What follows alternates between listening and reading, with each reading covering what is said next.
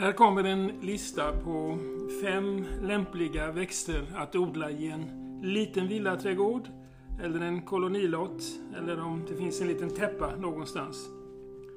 Det behövs alltså inte mycket utrymme för att odla vad vi just ska höra. Vad är då lämpligt? Är det morötter? Nej, jag tycker det är för svårt. Det blir inte riktigt bra. Persilja? Nja. Lök? Nja. Det blir lite misslyckat. Men här har vi nummer fem.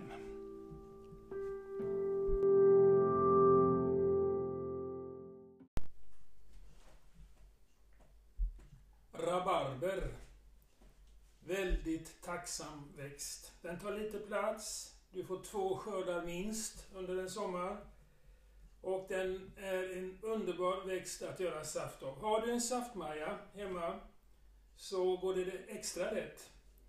Ett kilo rabarber, tre deciliter socker och det blir en liter saft som du sen fryser in. En saftmaja tar kanske, en vanlig saftmaja tar väl tre, tre kilo. Och du får då alltså 9 deciliter socker och 3 liter saft. Underbar dryck. Plats nummer fyra, krusbäret. Lite tråkigt kanske att eh, knoppa av eh, skaften på krusbär innan man använder dem till något.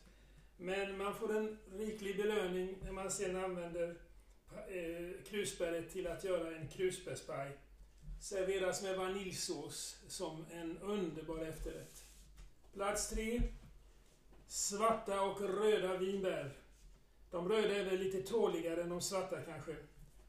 Plocka precis alla vinbär. Använd dem sedan efter att du har fryst in dem och sockrat lite på gröt eller cornflakes. Plats nummer två, äpplet. Vill du äta det direkt från trädet, ta en sort som Katja. Vill du göra äppelmos, ta en sort som lobo.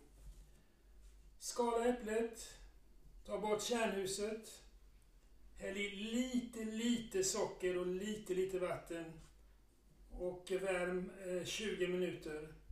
Och du har ett underbart mos att använda på cornflakes och gröt. Eller om du värmer det tillsammans med glass som efterrätt. På plats nummer ett, ohotat, potatisen. Använd, gräv upp en liten yta på 3,8 meter. Strunta i ogräset, det får du ändå bort sedan när du tar upp potatisen. Sätt 25 sättpotatisar och du får 25 kilo. Ett kilo under varje blast. När blasten just har kommit upp, vattna ordentligt så får du en bra skörd. Och har du 25 kilo så räcker det ju till underbara måltider under hösten.